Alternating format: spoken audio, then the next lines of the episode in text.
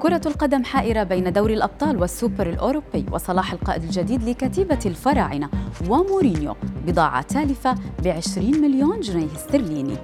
إليكم أبرز أخبار الرياضة في الساعات الأربع والعشرين الماضية في دقيقتين على العربية بودكاست. منذ إعلان الخبر بالأمس لا حديث يعلو فوق الصراع بين الدوري الأوروبي ودوري السوبر الأوروبي.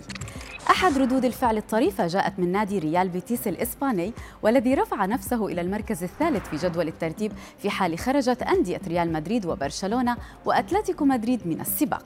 وكرد فعل على نفس الموضوع أبدى عشاق الألعاب الإلكترونية حزنهم حول الأنباء التي تشير إلى أن أندية السوبر ليج ستكون خارج لعبة فيفا 22 قرر مدرب منتخب مصر لكرة القدم حسام البدري منح شارة قيادة الفريق إلى نجم ليفربول محمد صلاح. اتحاد الكرة المصري قال بأن هذا القرار جاء بعد إبلاغ اللاعبين الذين يسبقون صلاح في الأقدمية والذين ساندوا هذه الخطوة.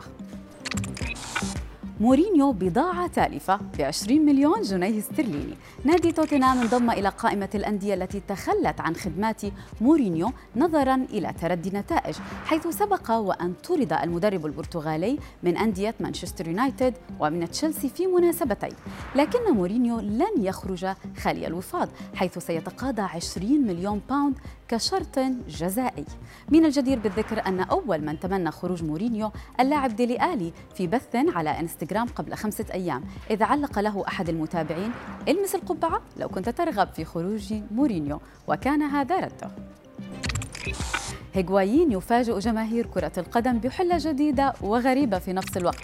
لاعب ريال مدريد ويوفنتوس وتشيلسي والكثير من الأندية السابق وإنتر ميامي الحالي ظهر حليق الرأس وبدقن كثيفة.